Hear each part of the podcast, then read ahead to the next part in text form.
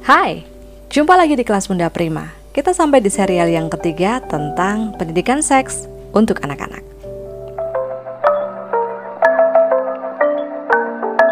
Hai, ini adalah kelas Bunda Prima. Di kelas ini kita akan berbagi bersama pengalaman dan studi tentang anak-anak. Anak-anak adalah anugerah Tuhan.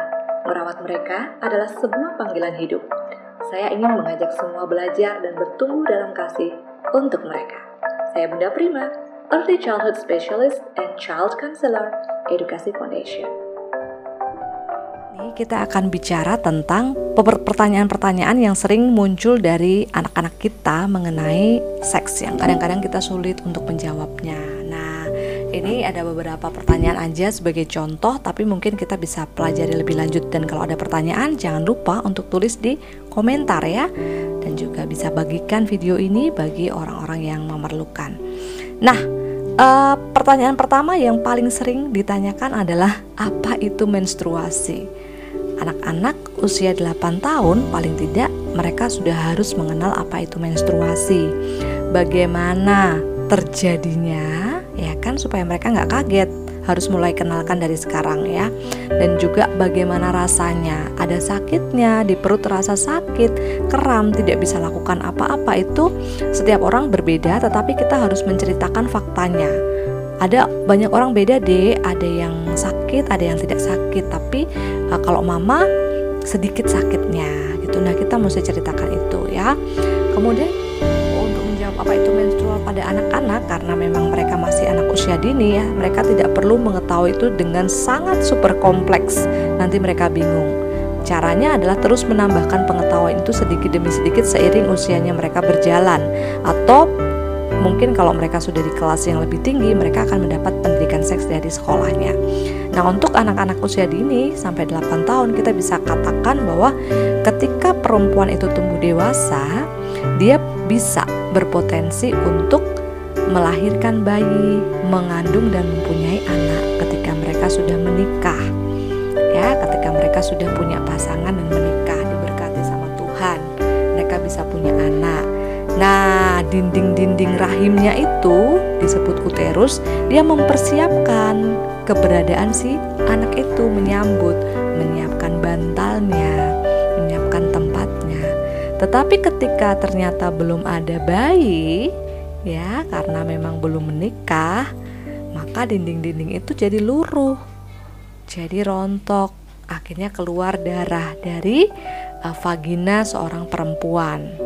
Nah itu yang dinamakan menstruasi. Dan itu terjadi di setiap bulan dek. Kamu akan mengalaminya sebagai seorang wanita.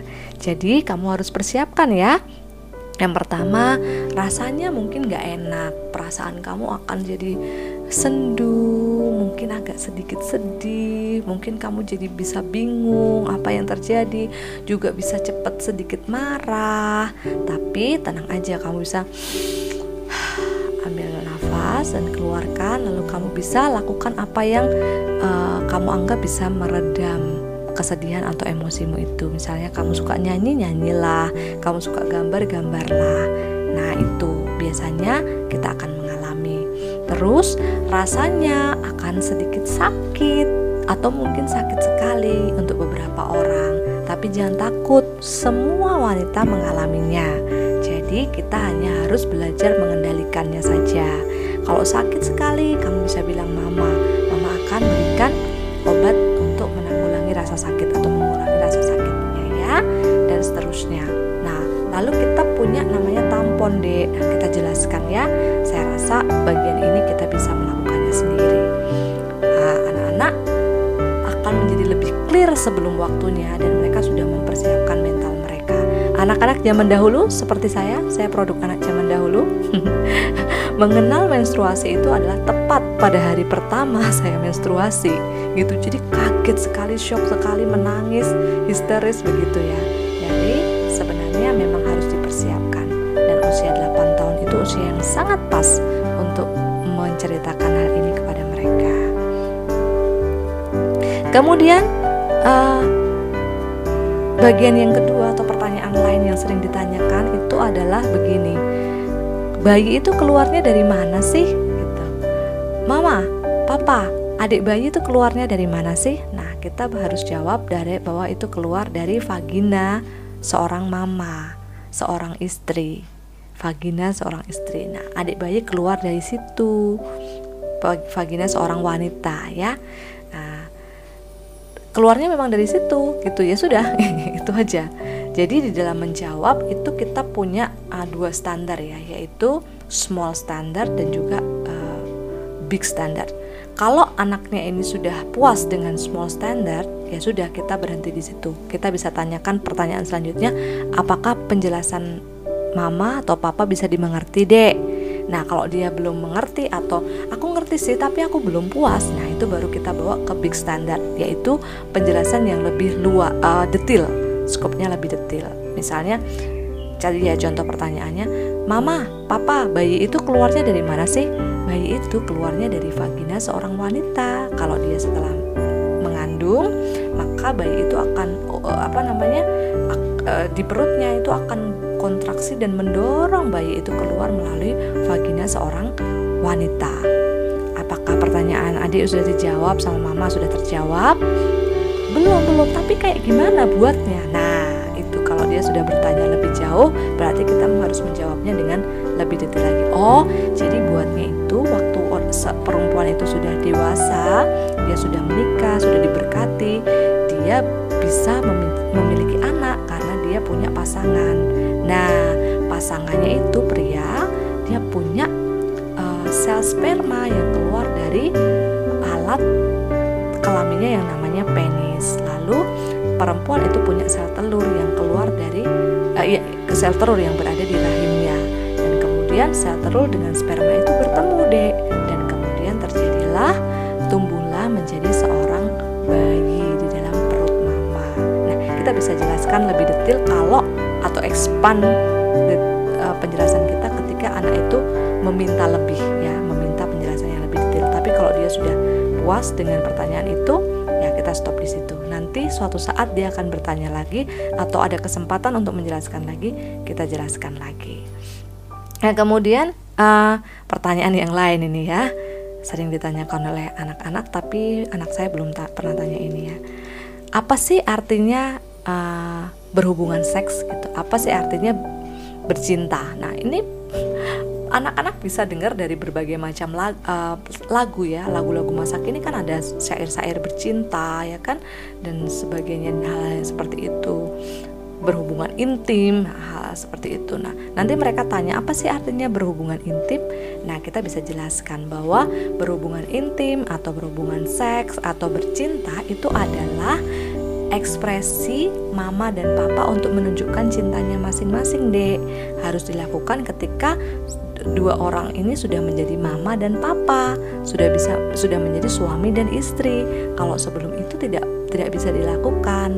Nah bercinta itu tanda sayangnya kita kepada eh, mama kepada papa atau papa kepada mama. Seperti snuggle gitu kalau kamu aku peluk kamu itu tapi dengan cara yang lebih spesial. Nanti kalau kamu sudah menikah kamu akan tahu. Nah kita akan jawab dengan salah satunya ya ada banyak cara nanti kita bisa uh, apa, fa, apa kembangkan gitu ya sesuai dengan konteks pembicaraan kita nah kemudian ada pertanyaan lagi yang sering ditanyakan itu adalah uh, kenapa penis saya itu sering menjadi keras gitu. Nah saya pernah ngobrol ini juga ya dengan suaminya. Kenapa penis uh, kita itu apa sering menjadi keras? Nah karena anak saya cowok, jadi dia suka bertanya tentang hal ini. Nah ini pertanyaan yang sering ditanyakan anak saya. Kok penisku menjadi keras? Nah kita bisa jawab karena dia bekerja dengan benar. Kalau dia tidak bekerja dengan benar, dia tidak menjadi keras. Tapi kamu jangan khawatir, nanti dia akan lembut kembali. Dia akan uh, apa melembek kembali. It's okay, itu normal. Nah, jadi pertanyaan di situ. Lalu kita uh, tanya lagi kan, apakah ini jawab pertanyaanmu, Dek? Biasanya ya oh oke okay, oke. Okay. tapi kalau dia masih belum puas tapi kok kenapa bisa begitu? Nah kita bisa jelaskan dengan lebih detail karena ada darah yang dipompa lebih kuat masuk ke sana dan kemudian menekan dan kemudian menjadi keras. Kita bisa jelaskan dengan lebih detail. Nah, hal-hal ini secara simpel perlu kita kuasai karena kita menghadapi anak-anak kita dan tidak menutup kemungkinan ketika kita punya fondasi yang tepat ya, yang benar, kita membicarakan seks itu dengan sehat kepada anak-anak kita, kita mengajarkan um, apa bahaya sexual abuse dan cara mena- mengantisipasinya mungkin anak kita akan banyak bertanya mengenai seksual ini, seks ini, sehingga kita perlu menyiapkan diri dengan jawaban-jawaban yang sederhana dan mudah dimengerti oleh anak-anak. Nah, sekian dulu rangkaian tentang pendidikan seks untuk anak. Kita jumpa lagi di topik selanjutnya.